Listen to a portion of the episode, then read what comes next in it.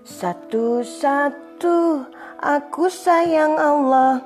Dua-dua sayang Rasulullah.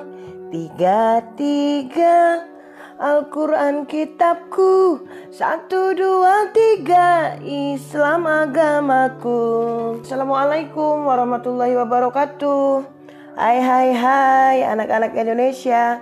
Jumpa lagi bersama Bunda Eni dari Kampung Dongeng Intan, Kalimantan Selatan.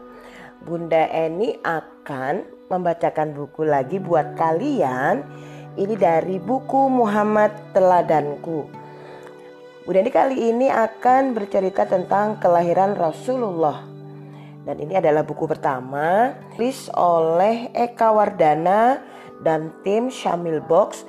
Dan juga ini ilustratornya Jajang Windaya bersama tim diterbitkan oleh Syamil Box didistribusikan oleh Sigma Daya Insani. Oke, mana rimu? Mana semangatmu? Oke, siap ya. Kemudian yang pertama ini dulu judulnya adalah Letak Mekah. Adik-adik tersayang, tahukah nama kota suci kaum muslimin? Ada yang tahu? Iya, betul. Kota suci kaum muslimin adalah kota Mekah. Di kota Mekah ini, inilah letaknya Ka'bah, yaitu Baitullah. Ke arah Ka'bah Ka'bahlah seluruh muslim di dunia menghadapkan diri jika sedang sholat.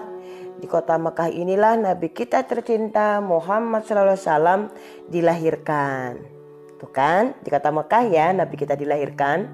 Kemudian, apakah kalian juga tahu di mana letak kota Mekah?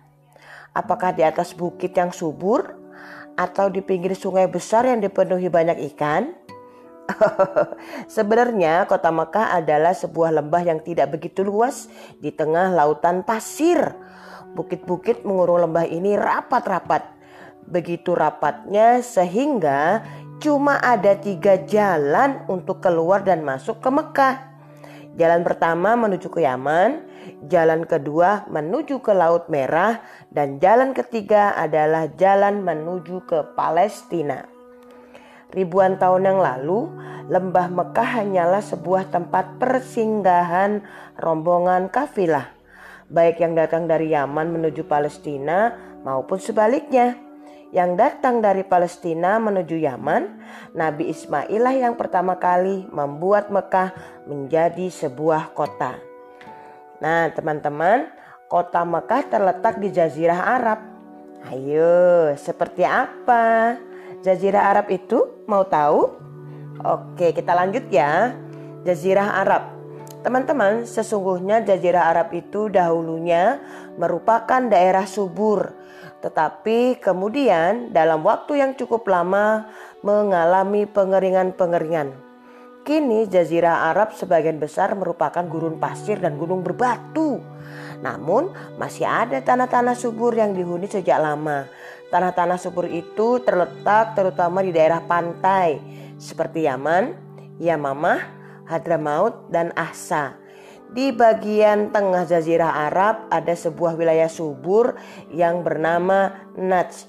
Wilayah ini dikenal sebagai tempat asal kuda Arab yang termasyur ke mana-mana. Lanjut lagi ya. Najj dan, ya, Najj dan Yamamah juga terkenal sebagai penghasil gandum. Demikian banyak gandum yang dihasilkan hingga konon memenuhi kebutuhan seluruh penduduk Jazirah Arab yang ketika Nabi Muhammad dilahirkan berjumlah sekitar 10 sampai 12 juta jiwa. Di kota Madinah terdapat bukit-bukit yang baik untuk ditanami. Sementara itu kota Taif terkenal karena buah-buahannya. Di luar daerah-daerah tersebut, jazirah Arab dipenuhi gunung dan bukit-bukit batu yang besar. Tidak ada sungai mengalir. Suhu udaranya sangat panas. Karenanya, penduduk Arab umumnya suka mengembara. Mereka suka berpindah ke tempat mana saja yang dapat memenuhi keperluan hidup sehari-hari beserta hewan-hewan ternak mereka. Teman-teman, apakah kalian mau berkenalan, berkenalan lebih jauh dengan penduduk Arab? Mau ya? Yuk kita lanjut lagi. Teman-teman, suku Baduy adalah penduduk asli Jazirah Arab. Mereka adalah prajurit pengelana yang tangguh. Tinggi mereka sedang tapi kekar, cekatan, dan kuat menderita dalam alam yang keras. Jika ada anggota keluarga yang tewas, para lelaki Baduy akan segera membalas pembunuhnya. Mereka berani dalam bertempur dan sabar dalam kekalahan. Meski demikian, orang Baduy terkenal ramah, senang memberi, dan sangat menghormati tamu. Mereka juga tenang, sabar, dan tidak cepat marah. Orang Baduy juga sangat mengagumi keindahan syair. Jiwa orang-orang Baduy mudah terpanggil pada kebenaran. Mereka adalah orang-orang sederhana. Mereka duduk di lantai dengan wadah makanan di lutut. Dengan demikian, tidak bisa dibedakan mana majikan dan mana bawahan. Teman-teman, kepada orang-orang inilah Nabi Muhammad Shallallahu Alaihi Wasallam diutus. Berkat bimbingan Nabi Muhammadlah orang-orang Baduy dari padang pasir yang sunyi ini mampu mengguncang dunia. Merekalah yang akhirnya menyebarkan agama Islam ke seluruh dunia. Merekalah yang membangun umat Islam menjadi umat yang besar dan dihormati. Namun, jauh sebelum menyebar ke penjuru, ke penjuru bumi, perjalanan umat Islam di Jazirah Arab dimulai oleh kisah Nabi Ibrahim alaihissalam. Beliau adalah nenek moyang Nabi Muhammad Shallallahu Alaihi Wasallam. Apakah kalian tertarik mendengar kisahnya? Oke, kita lanjut besok ya. Ini tentang keberanian Nabi Ibrahim. Sampai besok, jangan sampai ketinggalan.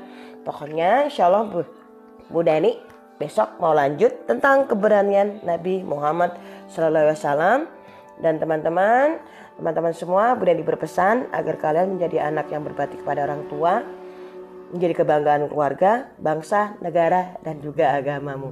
Tunggu kelanjutannya besok ya. Assalamualaikum warahmatullahi wabarakatuh. Dah.